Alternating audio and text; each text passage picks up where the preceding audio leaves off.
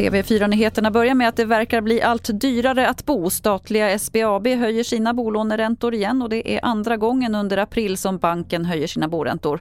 Även Skandiabanken höjer sina boräntor och även för dem är det andra höjningen den här månaden.